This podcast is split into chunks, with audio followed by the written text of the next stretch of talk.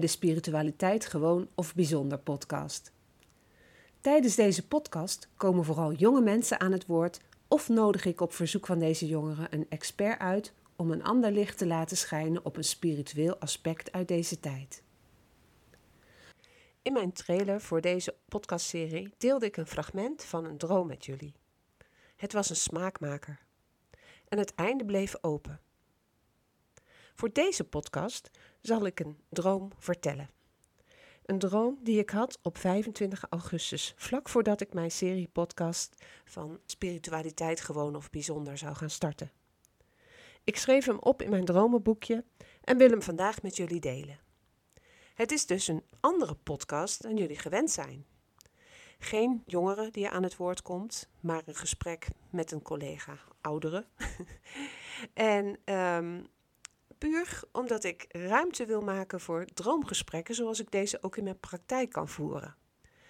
Ik heb me voorgenomen om elke negende podcast uit de serie te reserveren voor een droom. Vandaag is het een droom van mezelf, maar als jij een droom hebt die je wilt delen, kan dat natuurlijk ook. Luister goed naar de tips om je eigen droom op te schrijven en te verklaren.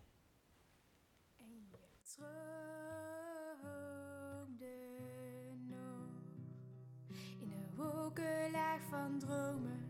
Daarboven in je hoofd kun je alles wat je wil nu zien zoals je hoopt. Knisperende bladeren, zwevend op de lucht. En vliegens vrije vogels zijn nooit meer op de vlucht. En je droomde. Bijzonder bij deze podcast is ook dat er geen gast in mijn uh, studio aanwezig is, maar dat er wordt gebruik gemaakt van de telefoon. Er wordt ingebeld. Dus het start zo meteen met een ringtoon en een begroeting, zoals we dat gewend zijn om te doen met de telefoon. Veel plezier bij het luisteren.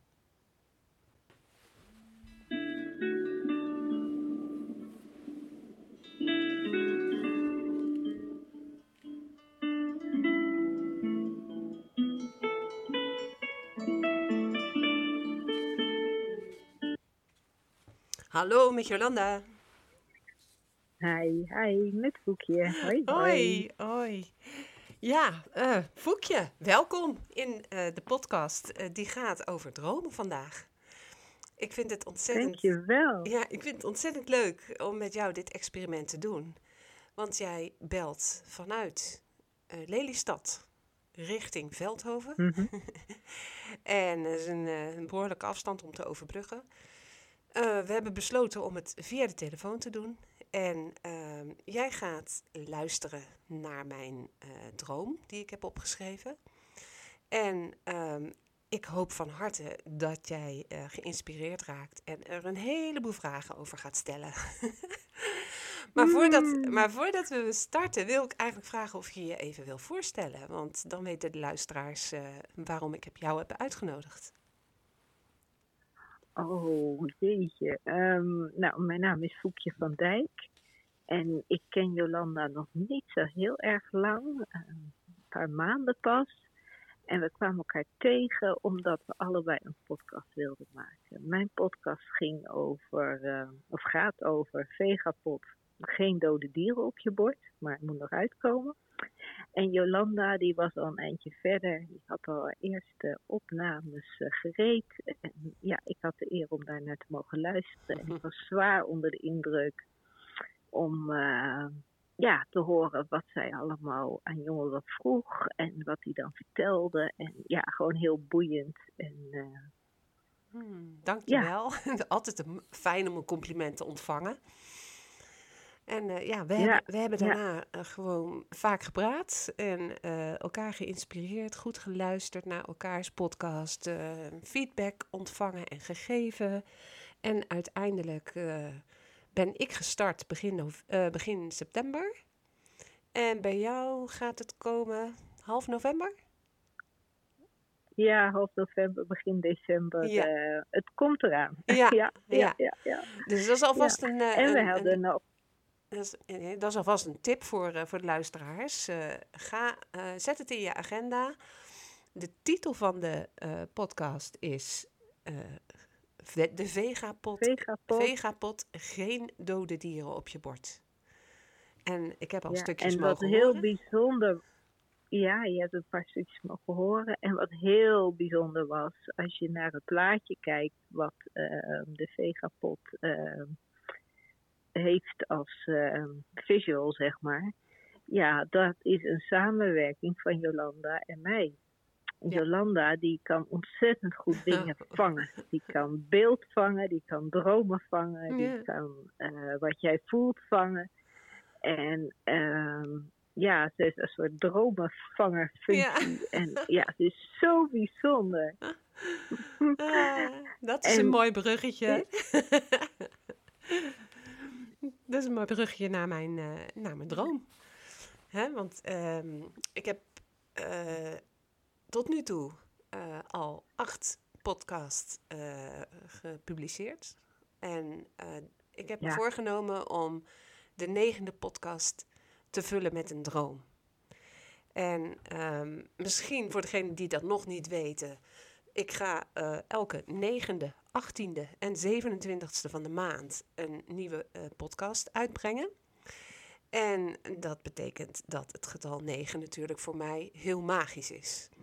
Vandaar dat ik de negende podcast, de achttiende podcast, de 27ste als ik dat haal, eh, ook zelf ga maken. En die vul ik dan, voor zover ik dat nu kan bedenken, met een droom. In mijn praktijk voor eh, voor dromen, eh, ex- nou, voor kunstzinnige expressie en droomgesprekken, eh, komen mensen met een droom. Oftewel een droom die ze gedroomd hebben in hun nachtelijke uurtjes, ofwel een, een droom over de toekomst. En daar gaan we over in gesprek. Die zitten meestal vol met symbolen. En ik vind het leuk om samen met ja, degene die dan die droom inbrengt, op avontuur te gaan.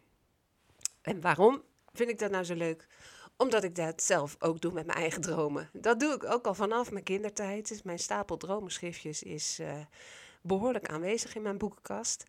En als ik ze dan weer eens erbij pak en ik lees dat terug, denk ik, nou, dit zijn toch wel rare verhalen, maar ook heel bijzondere verhalen en ervaringen. Dus bij deze wil ik eh, de droom die vooraf ging, vlak vooraf ging aan het, eh, eh, het lanceren van de eerste podcast, eh, met jullie delen.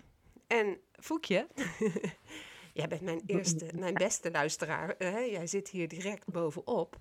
Dus als je iets wil zeggen, dan zeg je gewoon even, eh, eh, eh, ik wil even wat zeggen. Of je, je stelt een vraag en dan stop ik met praten. Ja, zullen we het zo afspreken? Oh. Ja. Oké, eh, nou ja, het is een droom dan van 25 augustus. Ik werd wakker en ik keek eens rond en ik dacht, dit is een rare droom. Een hele heldere droom. Wat ik dan doe in zo'n geval is, ik pak pen en papier, die liggen altijd in de buurt. En ik begin te schrijven. Ehm, als je net wakker wordt, weet je namelijk nog de beste details. Als je overgaat tot de orde van de dag, dan kun je wel de grote lijn misschien nog wel terughalen. Maar de echte details, die, eh, ja, die komen dan het beste uit je pen, zeg maar. Nou, deze droom die speelde zich af in een andere dimensie. Maar er waren duidelijke linken naar het heden. Ik was, eh, in die droom was ik een toeschouwer. En het was duidelijk dat men, eh, ja, vooral jonge mensen, mijn, mijn aanwezigheid maar heel vreemd vonden. En, en sommigen lieten zelfs weten dat ik maar beter weg kon gaan. Maar daar was ik niet van plan. Oh, Ja, daar was ik echt niet van plan. Er was veel te veel te zien.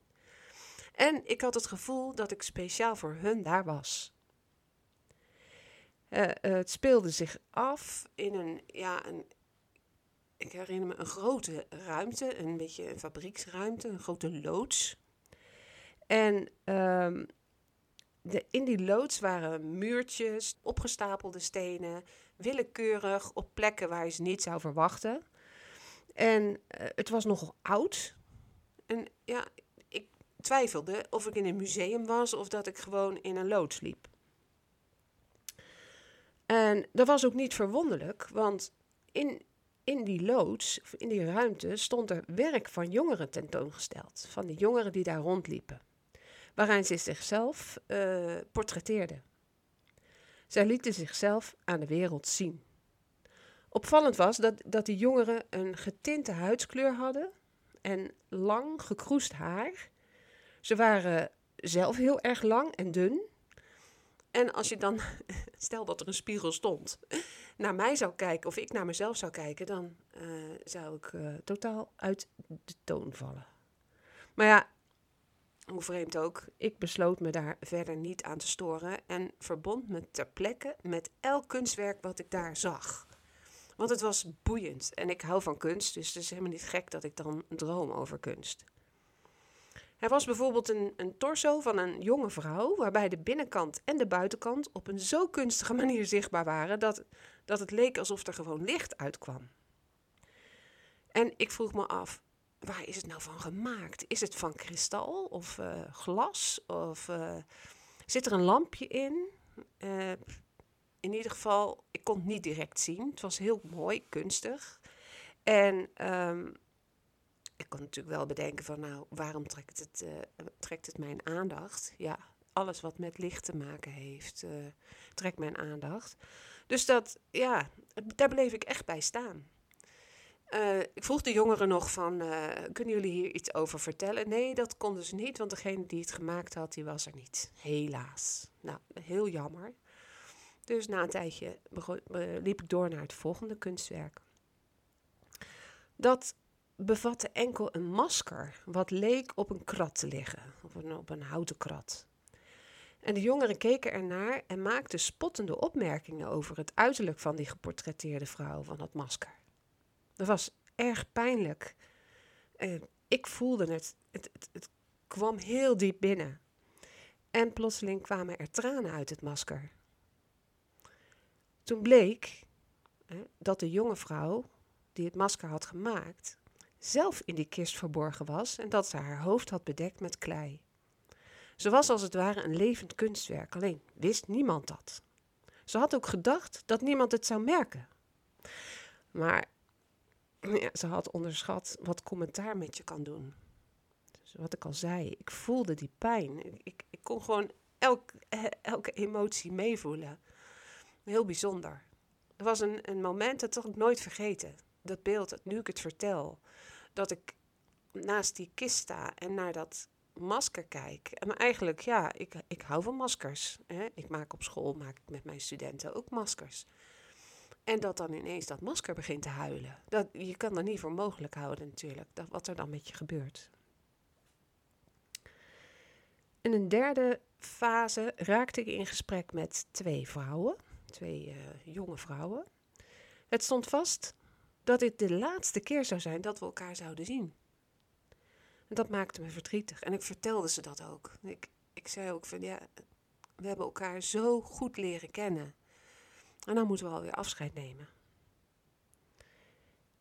Ik uh, trok me terug en ik bleef een beetje rondlopen. En uh, ja, niemand keek nog naar mij, niemand zag me nog. Op een gegeven moment dacht ik, ik lijk wel onzichtbaar.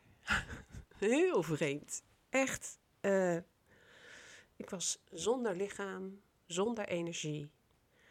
En ik besloot om, omdat niemand meer naar mij kijkt en niemand meer kon zien, om nog even elk kunstwerk uh, goed te bekijken. Toen merkte ik dat ik in elk kunstwerk kon verdwijnen en voelen welke boodschap en essentie erin verborgen zat. Het was veel meer dan simpel mooi of lelijk, hè, dus een oordeel van wat te maken heeft met smaak. Er kwamen veel meer dimensies aan bod. Uh, ik vroeg me af, was het beeld ontstaan door het ego? En was het alleen maar een buitenkant? Of had het een hart en een ziel waardoor het licht zichtbaar werd? Alles kwam langs. Ik, ja, ik was totaal geïntrigeerd door de, de, ja, de boodschappen. Ik raakte vervuld door alle gevoelens en had wat tijd nodig om weer terug te komen in het hier en nu. Vandaar dat ik, toen ik wakker werd, zo helder voor geest had wat ik had meegemaakt. Ik wist wel dat deze droom belangrijke boodschappen met zich meedroeg. Vandaar dat ik hem gelijk heb opgeschreven. En ehm, daarna ben ik gaan mediteren. Niet gelijk hoor, maar gaan mediteren over de inhoud van de droom. Omdat ik een aantal kernwoorden of symbolen heb opgeschreven.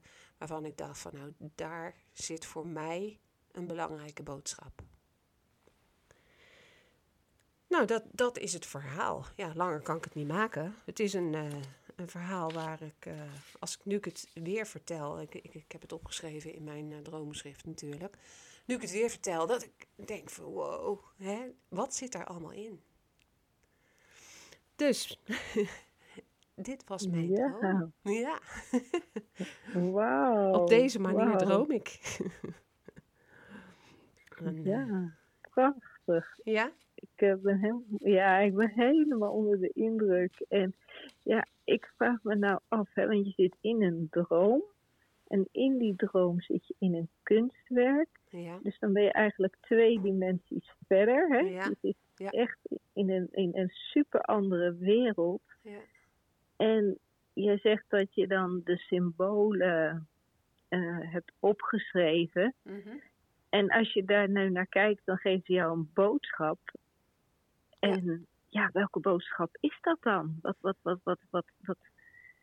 Want je slingert het nu ook nog het universum in, hè? Dus het is niet alleen een boodschap voor jou geweest, maar voor ons allen.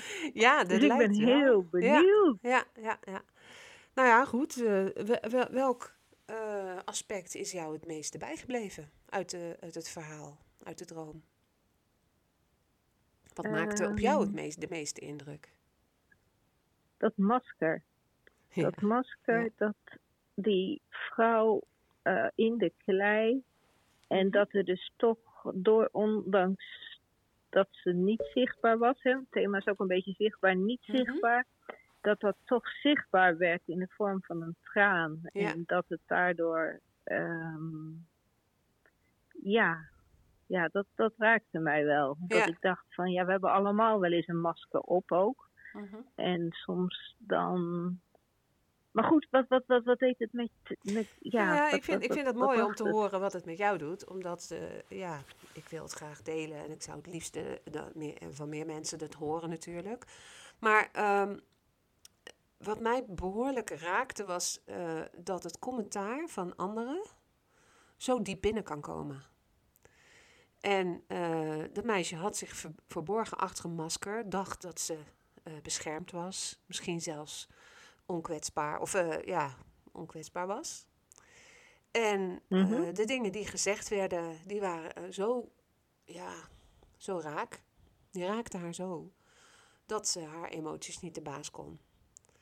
En ehm, ja, dat stukje wat woorden kunnen aanrichten, dat vertaal ik dan zelf in ik moet opletten met welke woorden ik spreek. In mijn dagelijks leven, Mm. in mijn werk, misschien ook zelfs in mijn podcast. Want dat is natuurlijk een en al spreken van woorden. Ja? Dus dat, Ja, dat, dat, Ja, dat is hetgene wat mij zo raakt. En natuurlijk die emoties en die kwetsbaarheid. Want die portretten, die, die laten zien wie je bent. Hè? En dan kan je zeggen wie je werkelijk bent of wie je wil zijn. En ehm, als je dan de relatie legt met de podcast die ik maak, dat zijn in feite ook portretten van jongeren. Die vertellen over hun, hun pad, wat ze lopen, eh, hun beslissingen die ze nemen, hun kwetsbaarheid, hun vragen. Hun, ja, dat, dat stukje portretten, ja, ik bracht het eigenlijk gelijk in, in, eh, in relatie tot, eh, tot het maken van de podcast. En dan ja, ja, dan, dan ehm, geeft dat mij ook de mogelijkheid om te bedenken: oké, ik moet op mijn woorden letten, ik moet rekening houden met de kwetsbaarheid, want diegene die laat zich wel zien. Hmm. Ja. Wat, wat ik me dan afvraag, wat ehm, als jij dus op iets gaat letten wat jij zegt, hè, dan ga je je best doen en dan, ehm, ja, ik, ik vind het heel mooi om dan te kijken naar dat licht. Want als jij dan vanuit licht spreekt, dan Mhm. is dat transparant. Hè? Ja. Maar als jij op een andere manier zou spreken dan dat je van nature zou doen, omdat je te hard je best zou doen, Mhm. dan zou je eigenlijk ook weer een soort panzer creëren. Ook een soort Ja, masker. precies. Dan ga je je verbergen achter een En waar- masker. En daarom vind ik het zo mooi die andere kunstwerken om te horen. Van even van. Ehm, daar zat dus juist meer licht in. Hè? Jij Mhm. wordt getrokken naar het licht. Ja. En, en ja, die, die relatie tussen die twee dan ook. Ja. Want het is allemaal in één droom dat dat bij elkaar komt. Dus Ja. ja, ik word alleen nog maar geboeider eigenlijk door dit. eh, Ja. Dus ik wil meer horen. Ja, Vertel. ja, Nou, het zijn- Ja, ja. Ik, ik, ik zie het meer als, een- als een stukje scènes waar, waar ja, die lo- lopen in elkaar over natuurlijk, want het is in één droom. Maar Mhm. dat je zegt van nou, elke scène geeft weer een, een bepaald symbool af. Ik heb hier eh, dan, ehm, ben begonnen met die andere dimensie. Hè, dat je in een loods komt, dat, dat kunnen we hier op aarde natuurlijk heel erg goed voorstellen. Want er staan genoeg loodsen waar we ook wel eens misschien in geweest zijn. Of waar we beelden van hebben gezien op televisie of op een film. Hm. En eh, Ja. dus dat is een beeld wat je dan, wat je dan pakt om eh, ja, jouw eigen scène in te zetten. Nou, de, ik eh, kreeg door dat dat te maken heeft met Atlantis. Bijvoorbeeld. Oh. En dan denk ik, Atlantis, ja, wat, daar weet ik eigenlijk niks van. Ik heb ooit een boek gelezen over Atlantis. En toen had ik wel heel veel herkenning. Maar ja, ik ben er eigenlijk niet meer zo mee bezig. Dus dan eh, schrijf ik op Atlantis. Nou, en dan komt er, als ik, ja, als ik verder ga daarmee, dan komt er wel weer eh, iets naar boven. Ik denk van, oh ja, oh ja, dat is net als in die droom. Maar dat is nog niet gebeurd. Dus er staat nog een vraagteken bij. Nou, en het tweede wat ik opgeschreven heb is eh, jongeren. Het gaat over jongeren. Eh, dat is mijn doelgroep. Hè. Daar, daar werk ik mee op school. Daar eh, maak ik podcasts mee. Daar voel ik me altijd heel erg mee verwant. Maar zij staan ook symbool voor groei en ontwikkeling. Want Ja. ja, de luisteraars weten, hè, ik ben de 60 gepasseerd. Ik ben niet oud, zeker niet. Ik voel me ook niet oud. Maar de eh jongere, die is gewoon ja, jong en eh, heeft nog een behoorlijk stuk leven voor zich in de, in de, in de lijn van de verwachtingen. En ehm, ja, die kan op alle vlakken en, en op het avontuurlijke niveau eh, nog behoorlijk wat groei doormaken. Ik ook wel hoor, maar mijn tijd zal misschien wat korter zijn daarvoor. dus het, sym- Mm. het symbolische jongeren staat voor groei en ontwikkeling. Dat vind, ik, dat vind ik wel heel mooi dat ik dat heb opgeschreven nadat ik deze droom heb eh, eh, beschreven.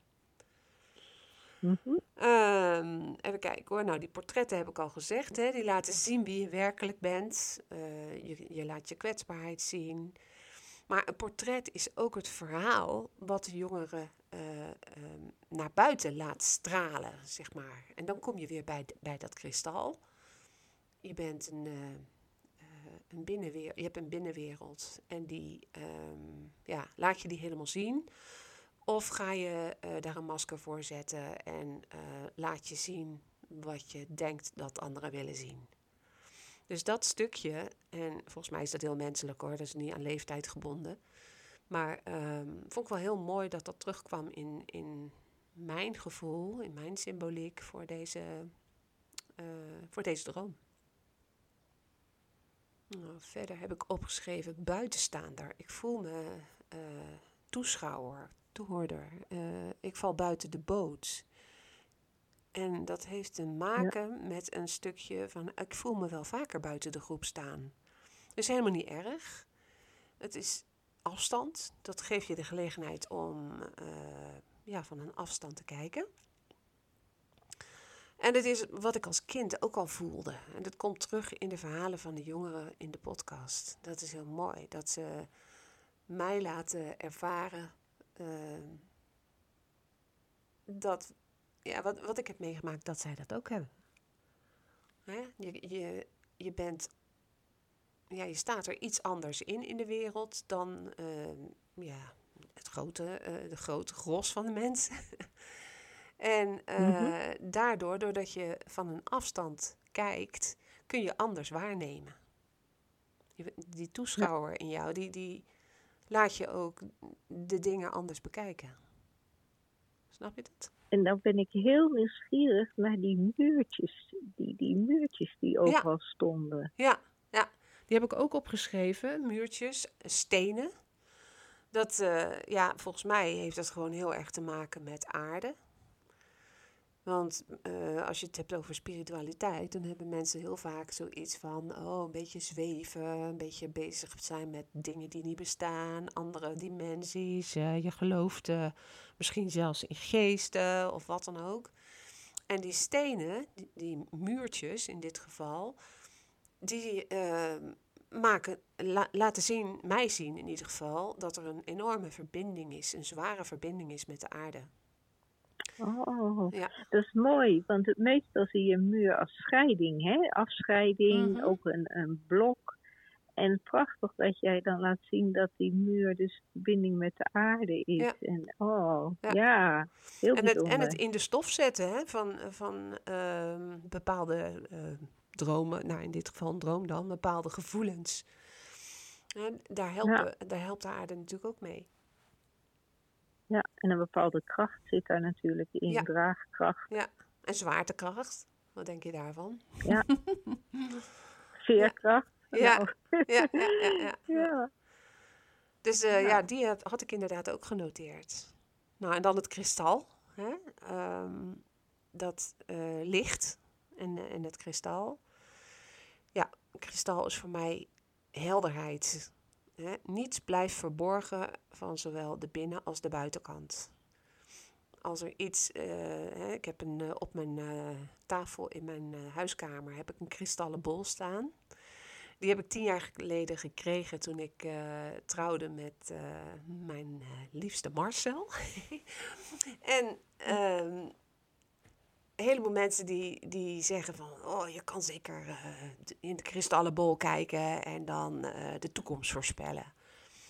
En dan zeg ik nee, deze bol geeft licht. En uh, die laat van, eigenlijk zonder dimensie zien wat er allemaal is. dus dat is, dat is een heel andere benadering. Ik kan helemaal niet de toekomst voorspellen. Dat kan niemand.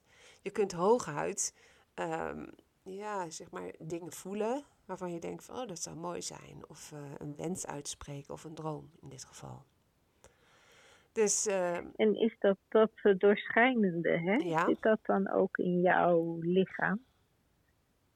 Net als dat, die, dat masker aan de buitenkant van dat lichaam Ja. zit, zit er Mhm. dan ook iets van licht en kristal en doorlatendheid en transparantie ergens in jouw, In mijn- jouw wezen? Ja, in mijn eigen lichaam. Ja, natuurlijk, natuurlijk.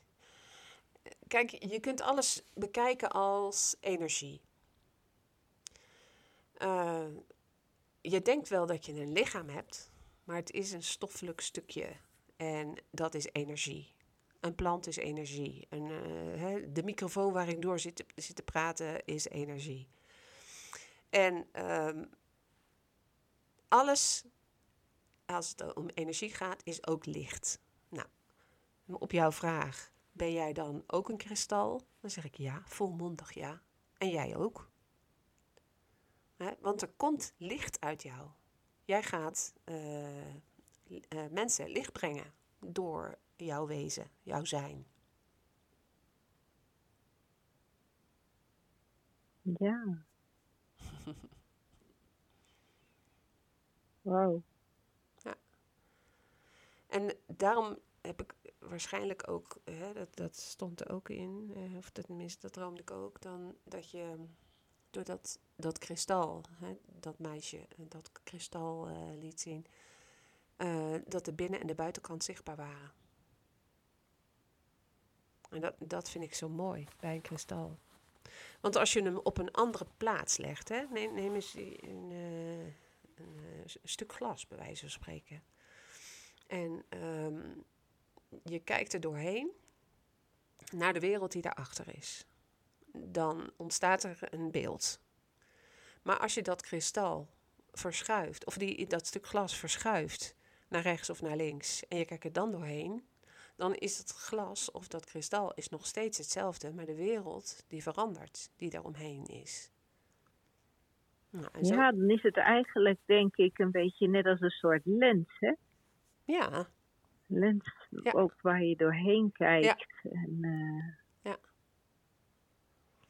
Dus je kunt jezelf uh, als lens neerzetten. Mensen kunnen door je heen kijken als ze de binnenkant kunnen zien. Tenminste, als je die laat zien. Hè? En als je, uh, dan kan je ook het licht laten schijnen. En op het moment dat je dus dat hebt afgeschermd, dus bijvoorbeeld een masker op hebt gezet, dan kun je dat licht niet laten stra uh, stralen. En dan uh, ja, kunnen mensen ehm, denken dat ze van alles kunnen zeggen en kunnen doen. En dat ze jou daar ja. toch niet mee raken. En dat doet mij dan onmiddellijk denken aan die andere scène, want daar was jij onzichtbaar. Ja, ja dat, dat is denk ik, dat heb ik ook opgeschreven. Energie. Zonder lichaam is het veel makkelijker om andere energieën te volgen of te voelen. Dat heb ik toen opgeschreven op die dag na die droom. En um, dat, dat zou kunnen betekenen dat een lichaam uh, ook een, een, blokkade zou kunnen zijn. Hè? Als je lichaam ertussen zit. Ja, ik, zie, ik zie het gewoon inderdaad als, als het invoelen van uh, de energie. En als ik in meditatie ben, dan heb ik geen lichaam meer. Dan ben ik die energie. En dat kan ik, dat kan ik dan gewoon ook helemaal ervaren. Ja, en dan ben je dan kwetsbaar? Nee. Helemaal niet. Nee. Dus dan heb je de verbinding met al jouw kracht. Mm -hmm. En je licht, je energie. Ja, je staat in verbinding met, met alles, hè? Dan. En ook weer met niets. Ja, en, dat is zo gek. Ja, maar dat is zo gek met meditatie. Je kunt in het niets terechtkomen ja, alles en niets tegelijk. Ja. Dat is zo mooi. Hè? Ja. ja. Dan komt echt die tegenstelling, die komt bij elkaar. Ja. Dus ja, dit was een, uh, een uh, droom vol symboliek. Heb je nog vragen ja. erover? Of, uh... Ja, wat voor kleur hing daar in die, in die loods? Geen. Het was alleen maar licht. Het enige wat ik heel goed kon zien was de donker getinte huidskleur en de, de haren, de kroesharen van de, van de jongeren. En dat ze heel lang en dun waren. Maar verder was alles licht en wit. En uh, ja, ik, kan, ik kan me niet herinneren dat ik veel kleur heb gezien. Ja. Terwijl ik toch een mens ben die en... altijd alles in kleur waarneemt.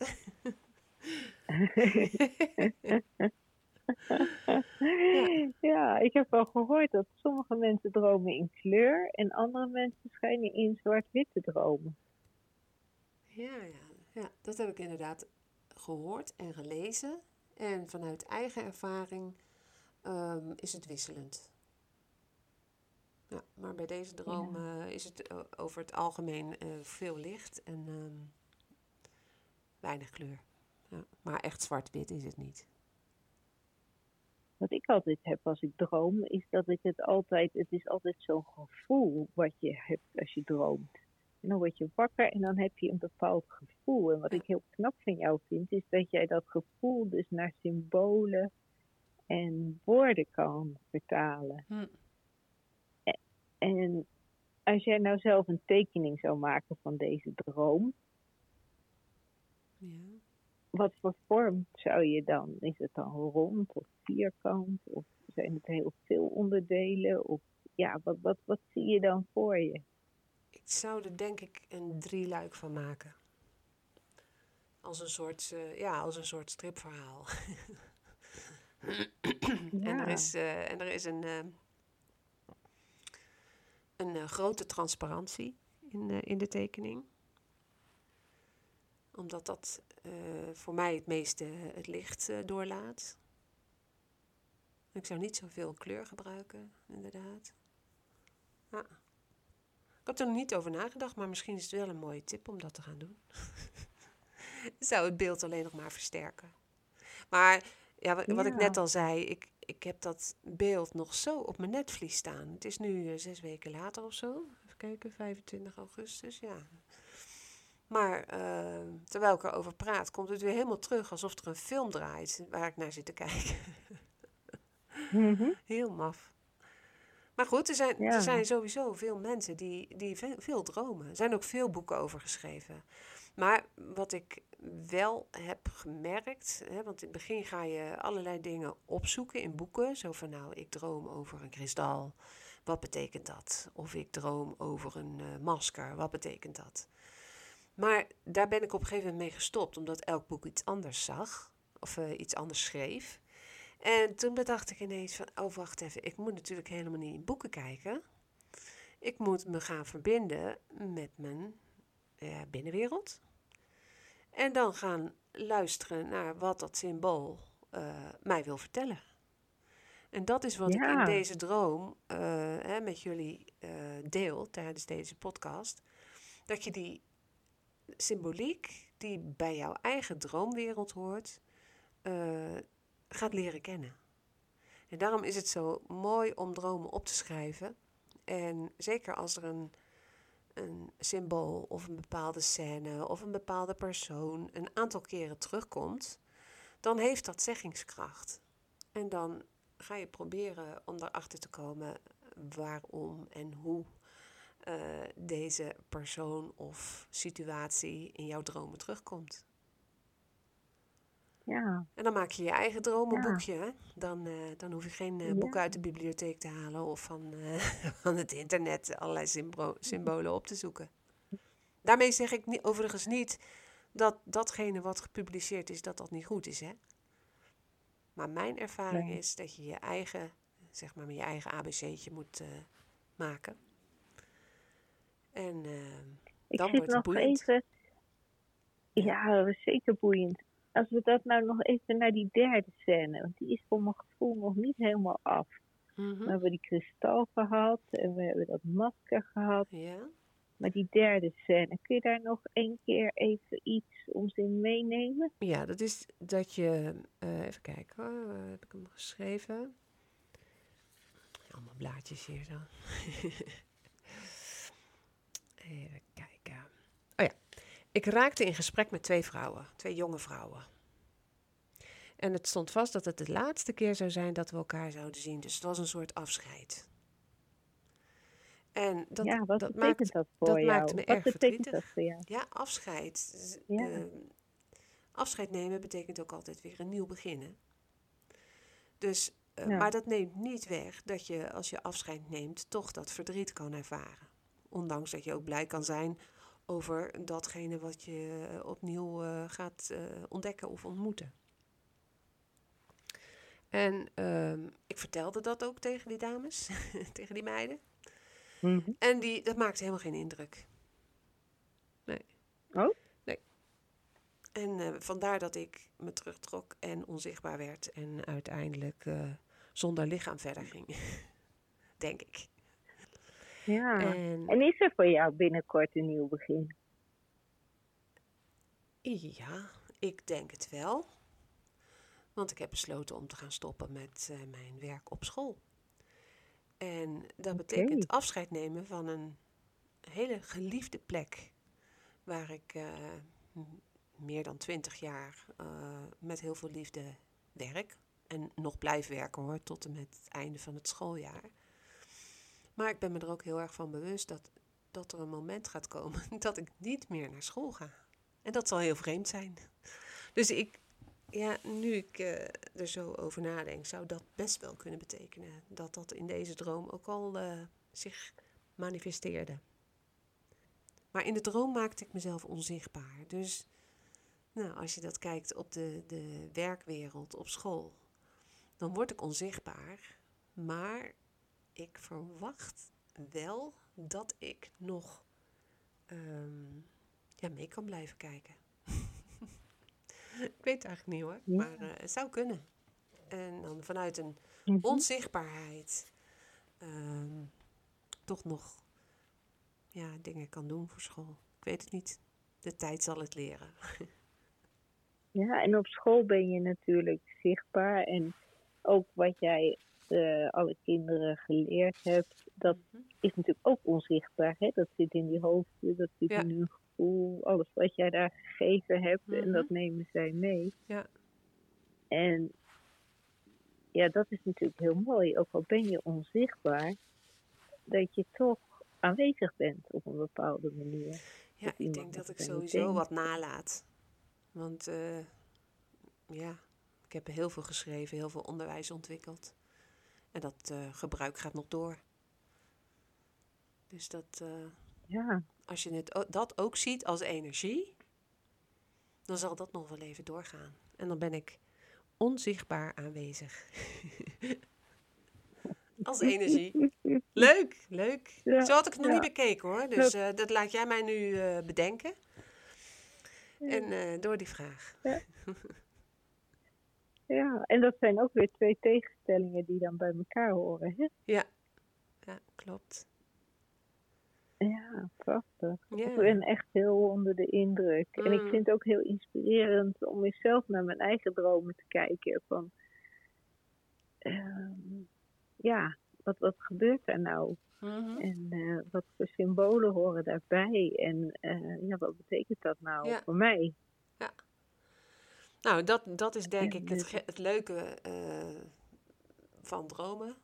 Eh, en ik- daarom de tip van ga, eh, pak een schriftje en leg het naast je bed. Als je wakker wordt, ga niet denken dat doe ik straks wel, want dan is de helft weg.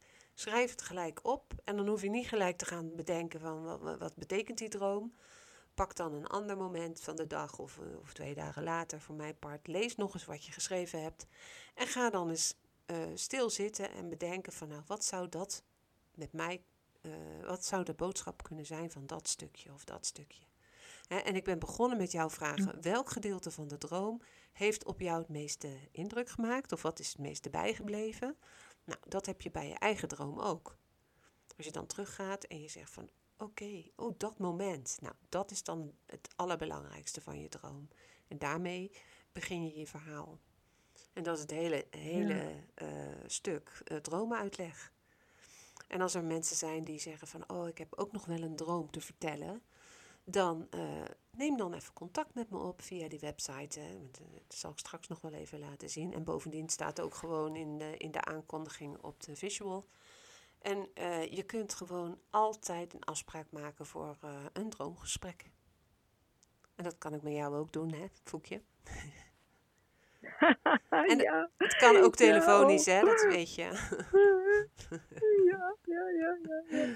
Oh, ik heb zoveel dromen. Oh, ongelooflijk. Ja. Ja, ja, ja. Nou, dan ben je een En, rijk eh, mens. Want er zijn heel veel mensen die zeggen: ik, ik heb nooit een droom. En als ik droom, kan ik hem niet onthouden. En dan denk ik: oh, wat jammer voor die persoon. Hè? Dat, is, dat is echt jammer. Ja. Maar ja, goed, die heeft weer iets anders wat ik niet heb. goed, ik denk dat Ja. eh, we zijn bijna drie kwartier verder. Ik denk dat we het gaan afronden. Want ehm, ik heb eh, altijd eh, van nou, drie kwartier vind ik wel een mooie lengte voor een podcast.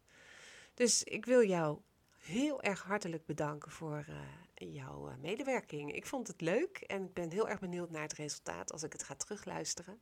Dat is ook altijd een avontuur. Is er nog iets wat nog niet gezegd is en wat je nog wel kwijt wil? Oh, dat je fantastisch bent dat je dit doet. En ik hoop dat eh, jij als luisteraar ja, gewoon ook met die dromen aan de slag gaat. Want er is een wondere wereld eh, die daar open ligt. En eh, Jolanda, heel erg dankjewel dat ik hier over jouw droom, bij jouw droom, met jou aanwezig mocht zijn in deze podcast. Ja, Echt heel bijzonder, dankjewel. heel erg leuk. en heel veel succes met het eh, lanceren van je eigen podcast. Ik eh, zal het zeker Dank horen. Dankjewel allemaal en tot de volgende keer. Heb je nou zelf een verhaal wat je wilt delen? Dan nodig ik je uit om een mail te sturen naar jolandahelverstein.gmail.com En dan is Helverstein met E lange ei. Ook kun je voor verdere informatie een bezoek brengen aan mijn website jolandahelverstein.com. Graag tot een volgende keer. Sluit je ogen maar, doe ze zachtjes toe en droom dan maar zacht. De boze dingen uit jou.